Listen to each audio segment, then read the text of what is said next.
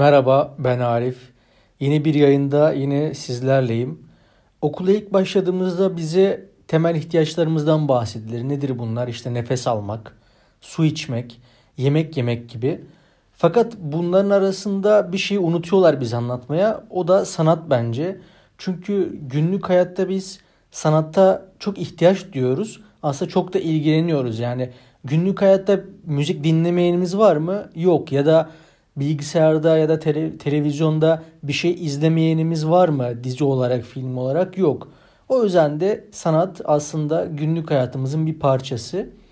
Bu kadar sanatla çok iç içe olunca tabii bazılarını çok seviyoruz bazılarını ya bu ne deyip geçebiliyoruz. Bu kadar da öznel bir şey aslında. Bu kadar da görece. Benim de doğal olarak tabii çok beğendiğim var ya da e, beğenilmesine anlam veremediğim eserler var. Bugün de biraz onlardan bahsetmek istiyorum e, sizlere. Kendimce 5 tane e, beğenilmesine anlam veremediğim e, sanat eseri veya sanatçı sıraladım. Bunlar benim için en e, az şaşırdıklarım, daha doğrusu en az e, beğenilmesini garip bulduğumdan en çoğa doğru gidecek şekilde sıraladım bunları. Ve elimden geldiğince farklı kategorilerden seçmeye, farklı sanat türlerinden seçmeye çalıştım. 5 numarada aslında bir ressam var. Bu ressam Amerikalı bir ressam aslında. Dışa vurumcu, farklı tarzlarda resimler yapmış. Aslında güzel resimleri de var.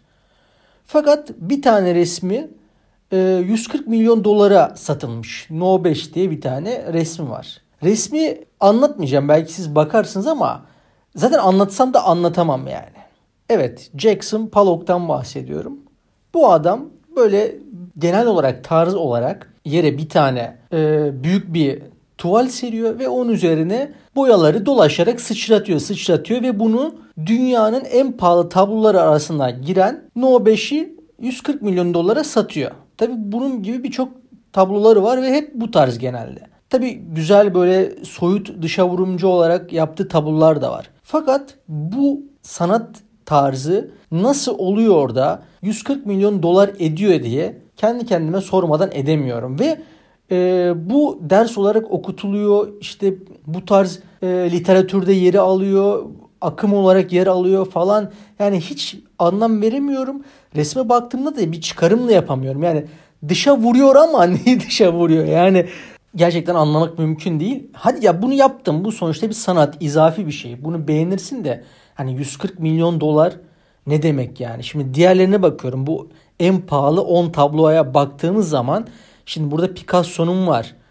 Ee, da Vinci'nin tablosu var. İşte Scream var çığlık. Yani bunları anlıyorsun. Çünkü orada bir beğenilir kaygısı var. Bir öznellik olduğunu görüyorsun. Yani Salvador Moon diye baktığın zaman gizemli işte bir tarihi eser niteliğinde zaten yani. Ona neden bu kadar para verilmiş diye sorgulamıyorsun ama insan ister istemez bunun beğenilip bu kadar para verilmesini sorguluyor. O yüzden 5 numaraya ben Jackson Pollock'u koydum. 4 numara için aklıma aslında ilk yazarlar geldi. Birçok yazar aklımdan geçti. Sonra benim için aslında birkaç tanesi vardı. Yani on, onların kesişim kümesini aldığımda bir baktım ki klasik Rus edebiyatı yazarları çıkıyor. Yani tabii Pushkin'i ya da Nabokov'u falan bir kenara koyuyorum yani. Pushkin biraz daha klasiğe giriyor da Nabokov çok girmiyor. Dostoyevski örneğin, örneğin Tolstoy. Ya ben şimdi kitap okuduğum zaman durum öykülerini, durum öykücülerini ve o tarzı hiç sevmeyen ve çok sıkılan bir insanım. Yani benim aslında bir kitabı çok böyle keyifle okuyabilmem için akıcı olması lazım ve olay örgüsü olması lazım. Fakat ben Dostoyevski'nin ya da e, Tolstoy'un hemen hemen her kitabını okuduğumda sıkı sıkılıyorum, bırakmak istiyorum. Yani sırf başladığımı bitireyim kaygısıyla aslında o kitapları bitiriyorum. Hani bir keyif alarak okumuyorum yani. Bunu mesela ben çok net bir şekilde kitap fuarında çalışırken üniversite yıllarımda Tolstoy'un Ivan İliç, Ivan İliç'in Ölümü diye bir tane kitabı var. Şimdi kitap da ince bir kitap. Böyle okuyorum yani e, hemen bitiririm dedim. Yani böyle sakin olduğu zamanlar vardı kitap fuarının. Hemen bitiririm diye böyle açıp bakmıştım aslında. Şimdi okuyorum. Bir tane adam ölüm döşeğinde ölüyor falan neyse. Ya cenazeyi anlatıyor. Yani işte o taziye evini, işte o hastanın evini falan anlatıyor böyle. O geldi, bu gitti, şu geldi, şu gitti falan filan. Ya Hiçbir şey yok. Yani sadece o masadan bahsediyor. Atıyorum şundan bahsediyor. Çok kitabın detayını da vermek istemiyorum. Belki durum öyküsü sevenler vardır okurlar. Yani hep bir şeylerden bahsediyor ama olay yok. Etraftan bahsediyor. Yani betimliyor sadece. Ya tamam betimleme güzel bir şey falan ama yani o kadar da değil. Bir, bir şeye gir bir şey anlat bize. Yani bu bana çok abartı geliyor. Yani baktığımız zaman da işte en çok satılan kitaplarda hala da Dostoyevski vardır yani. Şimdi bir bakıyor en çok satılan kitaplara ben gideyim bunları alayım diyor. Hiç okuma alışkanlığı olmayan bir insan. Gidiyor bakıyor orada ne vardır? İşte Dostoyevski var. Ben yer altından notları alayım. Yani şimdi okuma alışkanlığı olmayan bir insanın yer altından notlar ile okuma alışkanlığı kazanması imkansız yakındır. Çünkü okuma alışkanlığı nedir? Hayvan çiftliğiyle kazanır. Şeker portakal kitabıyla kazanılır. İşte ne bileyim otomatik portakalla kazanır. Yani distopik belki olabilir. Yani onlara da bir olay örgüsü vardır. Bir hayal gücü vardır vesaire. Ütopyalarla kazanılır. Ya, ya en azından bir olay olur yani. Okuma alışkanlığı olay kitaplarıyla kazanılır. Yani durum hikayeleriyle zannetmiyorum küçük yaşta birinin böyle etrafı betimlemesiyle bir okuma alışkanlığı kazanacağını. O yüzden Rus edebiyatı, klasik Rus edebiyatı yazarları komple benim için abartıdır yani.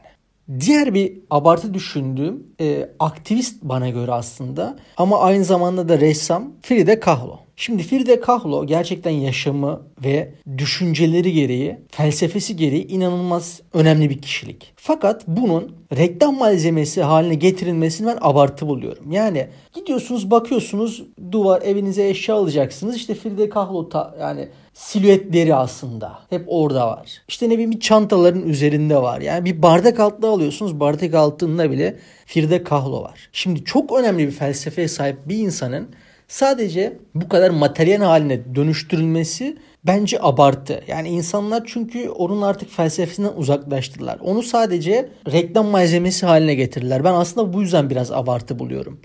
Ki resimlerine baktığınız zaman da tabii çok böyle görece bir şeydir. Ben sanatsal değerinin olduğunu düşünüyorum. Fakat felsefesi aslında bence sanatsal değerinin daha önünde bir kişilik. O yüzden de bunun o kadar çok reklam malzemesi haline getirilmesini anlamsız da buluyorum ben bir yerde. Ama resimleri inanılmaz güzel. inanılmaz orijinal ve özgün olması. Özgün olması bence güzelli olmasından bir tık daha ötededir her şey için bu bütün sanat dalları için geçerlidir. Yani benzersiz olsun isterse kötü olsun yani ben hep bunu derim. Bir şey yaparken de bir şey incelerken de.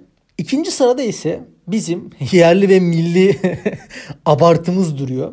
Şimdi bu eskiden çok popülerdi. Şu an ne kadar popüler bir fikrim yok. Galiba onu bitirdik biz yani yere yere bitirdik. Kürk mantolu Madonna. Şimdi ben Kürk mantolu Madonna'yı 10. sınıfa giderken yani 14 yaşında mı ne olmuş oluyorum o zaman işte. O zaman edebiyat öğretmenimiz bize demişti ki Arif işte şöyle bir kitap var oku istersem demişti. Ben de gitmiştim almıştım Mersin'de. Çamlıbel'de bir tane kitapçıdan almıştım. Sahile gitmiştim ve böyle 5-6 saat okumuştum. Hem de böyle denize karşı güzel bir havada okumuştum bitirmiştim. Beğenmiştim ki hala da beğeniyorum. O kitap hala benim kütüphanemde duruyordur. Okudum. Bir sonraki gün gittiğimde ben hocamla kitabı tartıştım. İşte ne ne düşünüyorsun Arif falan diye sordu bana. Hocam dedim ben çok güzel buldum. Olay da çok güzel. Dönemin şartlarında ve iklerinden olmasına rağmen çok güzel bir kitap fakat çok acemici. Yani kitabın sonunu en başından söylüyor aslında. İşte ben size ileride bunu anlatacağım gibi cümleler var yani. Biraz acemilik de var. O yüzden bana aslında edebiyat öğretmenim okumamı söylemiş yani. Fakat inanılmaz özgün, inanılmaz orijinal. Hani nesilden nesile aktarılacak bir kitap işte böyle mutlaka okunması gereken bir kitap falan değil aslında. Ya bu nasıl popüler oldu onu da bir, bir bilmiyorum aslında. Ama aslında baktığın zaman Sabahattin Ali'nin diğer kitapları Kürk Mantolu Madonna'dan çok daha iyi bence. Bunu nasıl bu kadar popüler hale geldik hiç bilmiyorum. Bu aslında sosyal medyanın biraz e, böyle gözümüze soka- sokmasıyla oluştu. Çünkü biliyorsunuz yani kahve olmadan içilmiyordu bir dönem. Fakat şu sıralar var mı yok mu bilmiyorum. Tabi onun yerine başka kitaplar da almış olabilir yani. Ama o Furya'da Kürk Mantolu Madonna çok abartılmıştı. Ve geldik birinci sıraya.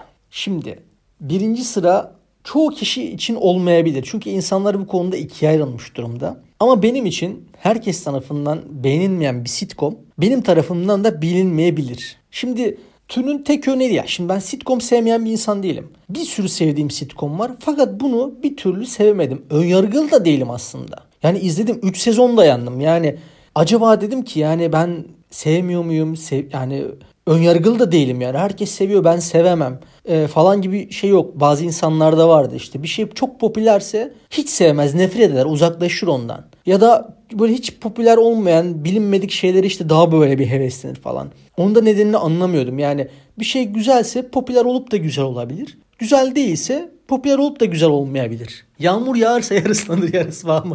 Öyle bir şey vardı mantıkta falan. Yani popüler olmadan da sevebilirsin. Popüler olduğu zaman da sevebilirsin. O yüzden 3 sezon izledim yani. Öyle bir ön yargım yoktur benim hiçbir zaman. Hiçbir sanat dalına karşı hiç böyle bir şeyim yoktur. Ön yargım yoktur. Ben de izledim yani. Fakat sevemedim yani. Bir türlü sevemedim. Yani ısınamadım. Bunun nasıl bu kadar fanı var? Yani çok abartılıyor.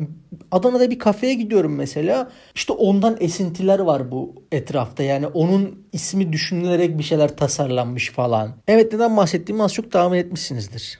Friends.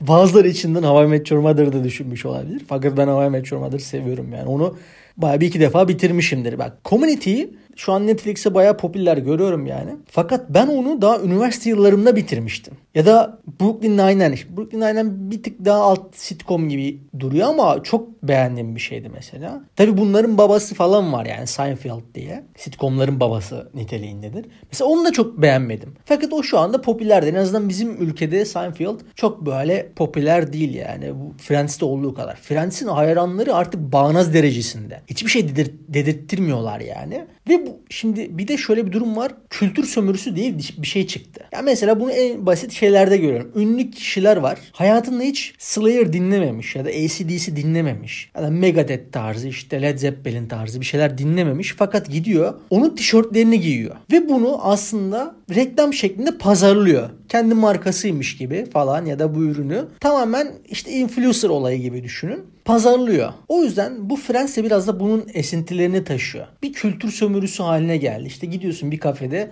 sürekli Friends çağrışımları yapan bir şeyler var. Kolaya kaçma diyorum ben bunu tasarımcıda. Ve nasıl kelam bunun gibi birçok şey var ama benim aklıma gelen ilk 5'te bunlar var. Sizin de varsa benimle paylaşabilirsiniz. Bir sonraki bölümde görüşmek üzere. Kendinize iyi bakın. İyi günler.